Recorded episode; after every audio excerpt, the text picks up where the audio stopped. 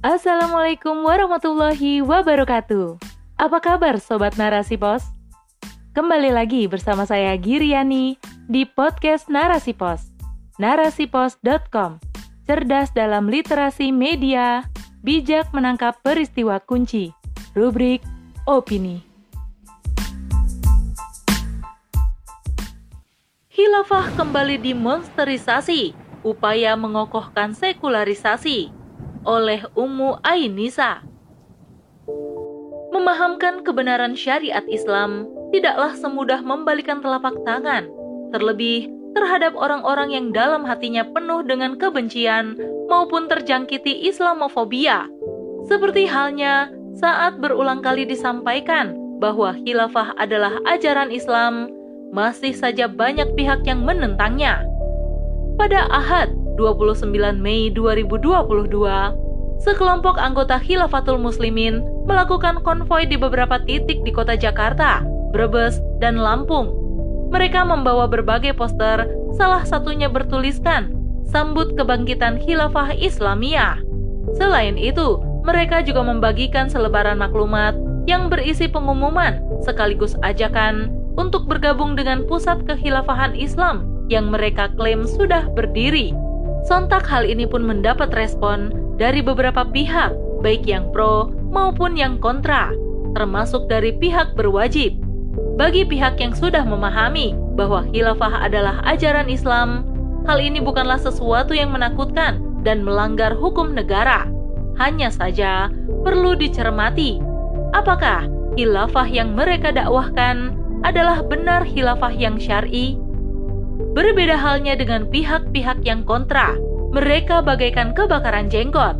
Mereka terus saja menyampaikan ke publik bahwa paham khilafah ini bertentangan dengan Pancasila dan bisa merusak NKRI. Densus 88 pun minta masyarakat agar waspada karena kegiatan mereka ini membawa ide radikal yang bertentangan dengan ideologi negara.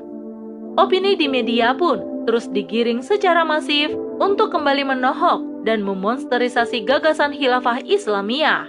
Lagi-lagi, isu radikalisme dan terorisme dihubung-hubungkan dengan hal ini, seolah ada kesan yang ingin dibangun kembali bahwa dakwah khilafah adalah dakwah yang membahayakan negara. Polisi pun dengan cepatnya bertindak. Kabar terakhir, Polda Jawa Tengah telah menetapkan empat tersangka kasus konvoi sepeda motor di Kabupaten Brebes Sementara Polda Metro Jaya juga telah menangkap Abdul Qadir Hasan Baraja selaku pemimpin Khilafatul Muslimin di Lampung dan membawanya ke Jakarta. Alasannya, mereka diduga telah menimbulkan keresahan di masyarakat, berpotensi makar, dan rentan berafiliasi dengan kelompok teroris semacam ISIS. Sejatinya, serangan terhadap gagasan khilafah bukanlah hal baru Semakin hari tampaknya serangan semakin kencang dan masif. Maklum, meski dengan segala cara dibungkam, dukungan terhadap perjuangan penegakan khilafah justru semakin membesar. Terutama di tengah kegagalan sistem sekuler yang nyata-nyata telah gagal menyelesaikan berbagai masalah yang terjadi di negeri ini. Korupsi yang tidak pernah ada habisnya, penguasaan sumber daya alam atau SDA oleh segelintir orang yang tidak pernah bisa dirasakan oleh rakyat. Zina yang semakin merajalela, aurat yang diumbar di mana saja, tindak kriminal yang setiap saat selalu mengancam, LGBT yang semakin meresahkan, dan lain-lain. Itu semua akibat bercokolnya sekulerisme. Mereka yang telah terjangkiti sekulerisme akut yang hanya mementingkan asas manfaat, tidak mau diatur dengan aturan agama, tentu tidak akan rela jika kemudian aktivitas mereka harus disandarkan pada halal dan haram. Dengan begitu mereka, para penentang gagasan khilafah, adalah orang-orang yang sudah nyaman hidup dalam kebebasan. Mereka adalah orang-orang yang enggan diatur, meski aturan yang ditawarkan itu adalah aturan dari Sang Ilahi. Mereka menganggap bahwa hidup adalah kesempatan untuk memperoleh manfaat sebanyak-banyaknya tanpa memikirkan pertanggungjawaban di akhirat kelak, tanpa peduli ketika harus menzolimi saudaranya sendiri. Bahkan, mereka akan menyingkirkan siapa saja yang mengusik kenyamanan mereka hidup dalam sistem yang rusak. Inilah sebabnya opini mulai mengarah pada perlunya perangkat undang-undang yang bisa menjerat para pendukung dan pendakwah ide khilafah. Sekalipun tidak terbukti melakukan tindak kekerasan dan teror, mereka harus tetap bisa dijerat hukum. Ini artinya, selain untuk memonsterisasi gagasan khilafah, juga ada target mengkriminalisasi para pengusung dan pendukungnya.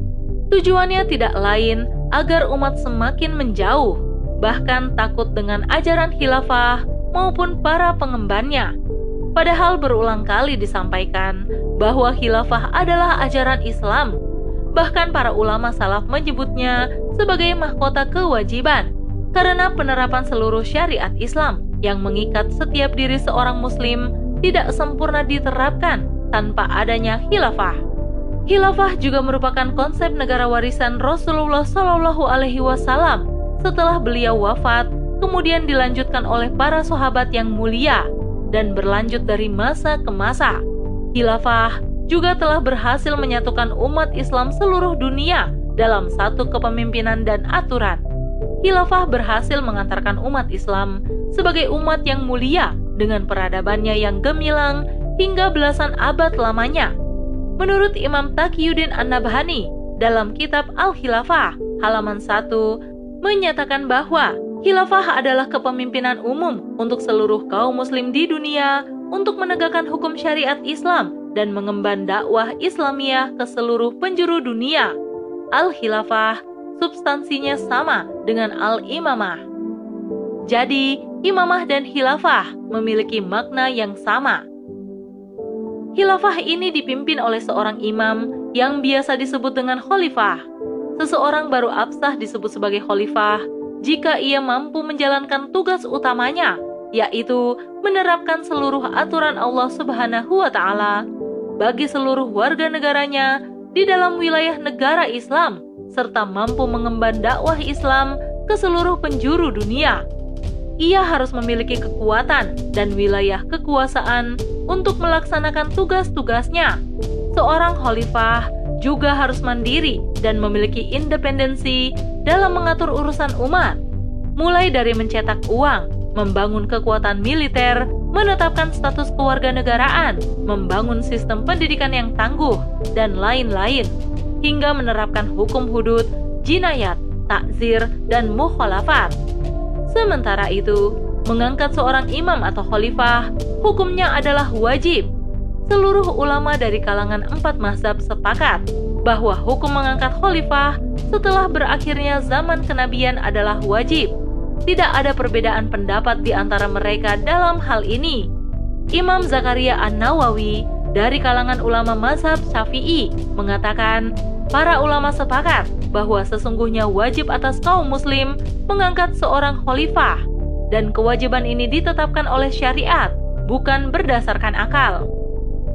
Bahkan mengangkat seorang khalifah atau imam termasuk kewajiban yang paling penting Allama Ibnu Hajar Al-Haytami Asy-Syafi'i dalam kitab Asyawa'iqul Muhriqah menyatakan bahwa para sahabat telah bersepakat mengangkat seorang imam atau khalifah setelah berakhirnya zaman kenabian adalah wajib.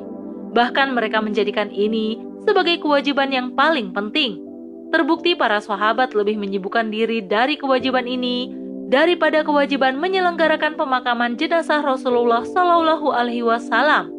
Dengan demikian, bisa kita simpulkan bahwa jika keberadaan seorang pemimpin saja wajib, maka dengan begitu keberadaan negara pun juga wajib. Karena mustahil ada seorang pemimpin tanpa berdirinya sebuah negara. Artinya, khilafah dan khalifah adalah satu kesatuan utuh yang tidak bisa dipisahkan dari daulah Islamiyah atau negara Islam. Maka, jika ada orang atau bahkan kalangan kaum muslimin yang masih menentang perjuangan menegakkan kembali khilafah atau bahkan menyangkalnya, sudah dipastikan mereka adalah orang-orang yang tidak rela hukum-hukum yang berasal dari Allah sang pemilik kehidupan, yaitu syariat Islam, tegak di muka bumi ini. Wallahu a'lam bishawab. Wassalamualaikum warahmatullahi wabarakatuh.